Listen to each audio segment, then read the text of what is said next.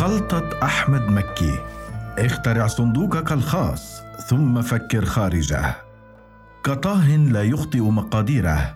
دخل الكوميديان المصري أحمد مكي. سباق موسم الدراما الرمضاني بخلطة كوميدية راهن البعض على فشلها. إلا أنها لم تخيب الظن في انتزاع الضحكات والتفاعلات اليومية لينتهي شهر رمضان وقد احتل مهرجان المزاريطة السينمائي الدولي لصاحبه الكبير رأس قمة الترند بخلطة كوميدية كان بطلها مكي ورفاقه من نجوم الصف الثاني الذين قدمهم بنفسه إلى الجمهور على مدار ست مواسم. بدأت في عام 2010 وتوقفت في عام 2015 سعى مكي إلى التغلب إلى التغيرات الكبيرة التي طرأت على تركيبة المتلقي المصري سواء بقوة الإفيهات وتصميم سكتشات مبتكرة. تواكب أجيال وجدت ملاذا آمنا في منصات حديثة. كالتيك توك عبر فيها الشباب العربي عن قدرات تمثيلية مكبوتة جعلت منهم مشاريع كوميديانات. ورغم مخاوف فريق العمل وفي مقدمتهم مكي ومخرجه أحمد الجندي وكتيبة المؤلفين من السقوط في فخ الملل واستنساخ ما سبق إلا أن مكي ورفاقه كسبوا الرهان مع توالي أحداث المسلسل. تجسد ذلك في ذيوع صيت شخصياته الجديد منها والقديم. وتداول مقاطع الإفيهات على شبكات التواصل الاجتماعي ليحصل مكي على دفعة قوية لاستكمال موسمه برتم متصاعد وتفاعل كبير توجت بحشد نجوم السينما المصرية داخل مسلسله عن طريق مهرجان المزاريط السينمائي. لا يمكن الحديث عن الكبير أوي. المحطة الأنجح في رحلة مكي الفنية من دون ربطها بسيرة بطلها وقصة صعوده لمحاولة الإجابة عن سؤال. هل يملك أحمد مكي خلطة جعلته يتفوق على الكثيرين من نجوم الكوميديا في مصر منهم القديم الراسخ كمحمد هنيدي وأحمد حلمي ومنهم من صعد نجمه كالثلاثي أحمد فهمي وشيكو وهشام ماجد أو أعضاء فريق مسرح مصر. اقتحم مكي الساحة عقب الثنائي الأول بعشر سنوات على الأقل واستبق ظهور الفريق الآخر بمثلهم وبين المرحلتين بقي رقما مهما في الكوميديا المصرية. الإرهاصات الفنية الأولى لمكي كانت إخراجية بحتة عندما أخرج عددا من الأفلام القصيرة من بينها ياباني أصلي والحاسة السابعة.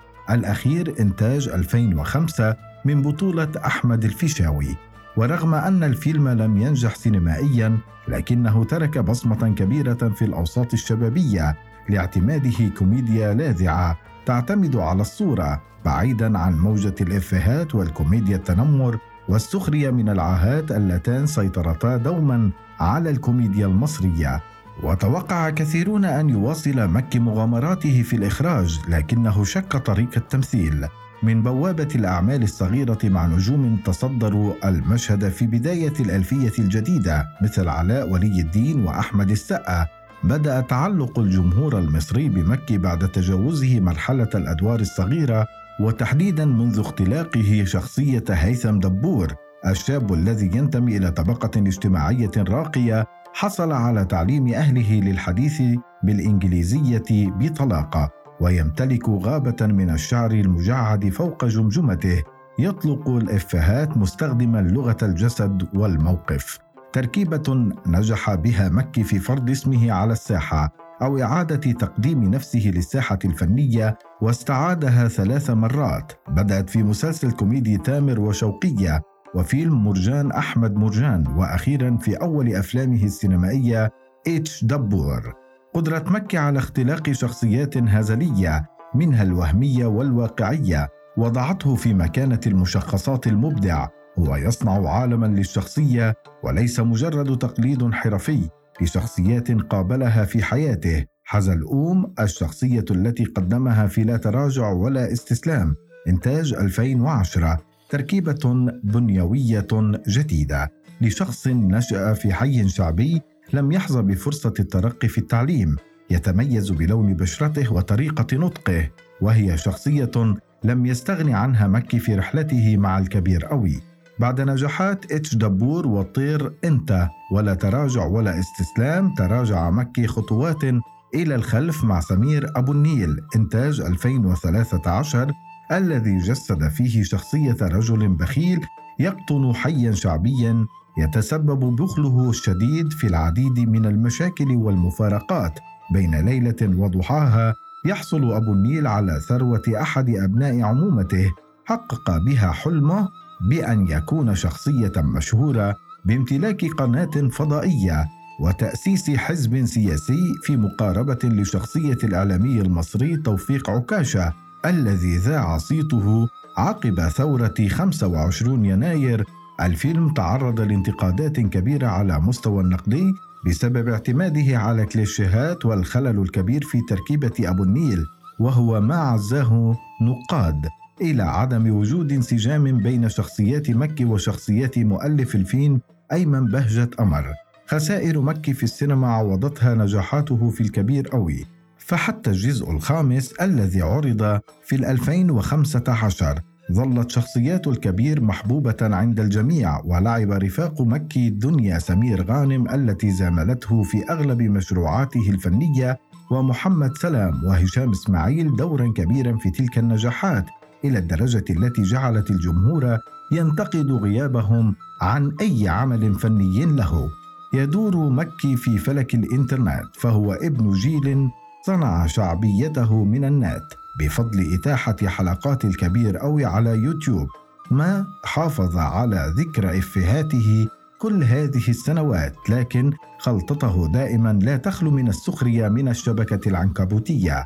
وتسليط الضوء على مشاكلها وأحيانا أوهامها كما حدث من قبل بقطع كابل الإنترنت عن القرية لأن زوجته هدية تقضي وقتا طويلا في التصفح خشية أن تفسد الأعمال الرومانسية التي تشاهده هدية حياته الأسرية. مطلقا الإفيه الشهير يقطع النت على النتات على اللي حيتنتتوا عليه.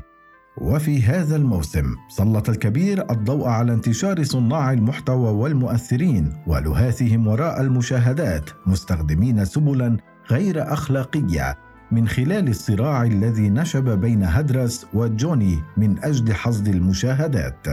يعتبر الناقد الفني خالد محمود أن الجزء السادس من الكبير أوي هو أنجح أجزاء المسلسل لأسباب عزاها إلى قدرة مكي على مفاجآت جمهوره باستمرار وتقديم شخصيات جديدة في مجتمع المزاريطة. يقول محمود أن مكي رغم امتلاكه رصيدا جماهيريا كبيرا لكنه احتاج أن يفاجئ الجمهور في كل حلقة حتى يحصل على إعجابهم واستمرارهم وهو ما تحقق بالفعل لأنه اعتمد على شخصيات جديدة من الموهوبين. لمست قلوب الجماهير وتفاعلت معها مثل مربوحة نفادي العترة ومنحهم فرصة إلى دخول عالم كبير. وهو ما يصفه محمود بالتحدي الذي يحسب لمكي برهانه على وجوه جديدة. ويشير الناقد الفني إلى أن المواقف الكوميدية طغت على النجوم أنفسهم وظهر مكي نفسه كمايسترو للعمل الفني ككل. واتسم آداؤه بالنضج الكبير فهو بات يمتلك خلطة حقيقية ظهرت في بداية ظهوره مع عادل إمام بشخصية دبور بفيلم مرجان أحمد مرجان وقدرته على التلوين والتقمص عبر ثلاث شخصيات حقق لكل منها نجاحا خاصا حتى وصل إلى مرحلة أنه يحمل على عاتقه عبء الكوميديا في الوطن العربي.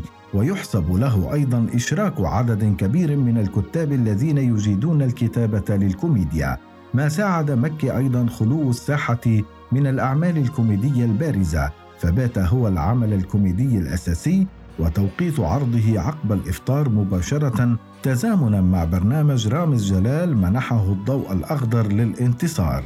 يرجح الكاتب آدم ميكاوي الذي شارك في ورشة كتابة مسلسل خلصانه بشياكة إنتاج 2017 والذي تقاسم مكي بطولته مع شيكو وهشام ماجد حفاظ الكوميديان الشاب على نجاحه طوال هذه السنوات. إلى عمله بشكل مؤسسي فهو ليس مجرد فرد بطل يؤدي أدواره إنما يحمل على عاتقه نجاح العمل لذا يفرض مساحات لجميع أفراد العمل ليس فقط الممثلين ويحرص على أن يكون جزءا من الكتابة والإخراج وليس التمثيل فقط. يشبه مكي في تفاصيله عادل إمام بحسب تعبير مكاوي فهو أحد أبناء مدرسة العمل الفني المتكامل التي يكون فيها البطل هو المايسترو ينسب له الإخفاق قبل النجاح. من هنا نفهم الإشادة التي يحصل عليها أبطال أعمال مكي فمحمد سلام الذي يؤدي شخصية هدرس على سبيل المثال ترس أساسي في هذه المنظومة وما إن انضم عضو جديد مثل رحمة أحمد مربوحة إلى فريق المزاريطة نالت حظا من الإشادة وهو ما يصب في النهاية في مصلحة قائد العمل. يقول ميكاوي كوميديا مكي قريبة من الواقع حتى لو كان الإطار فانتازي فهو حريص أن يكون الجمهور قريبا من الأحداث التي يراها بعينه ويتفاعل معها وهو ما يلمسه الجمهور باستمرار في الكبير أوي الأحداث التي تعيشها القرية الافتراضية بما فيها الإفهات هي شديدة الواقعية بينما يتحدث عن تجربته الوحيدة مع مكي في الكتابة مسلسل خلصانة بشياكة. لم تسر على خطى الكبير أوي بسبب وجود فريق يميل إلى الواقعية يمثله مكي وآخر يميل إلى الفانتازيا يمثله شيكو وهشام ماجد.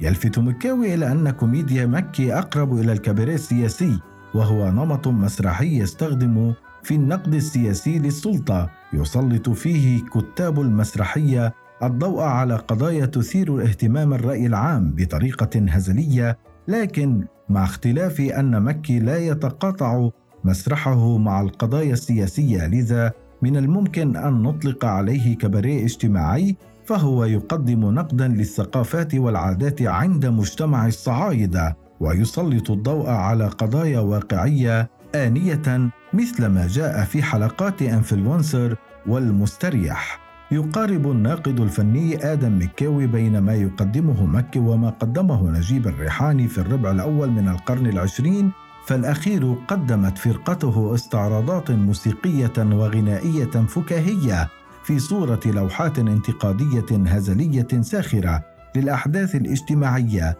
من خلال شخصيات نمطية كاريكاتورية مثل شخصية كشك بي عمدة كفر البلاص.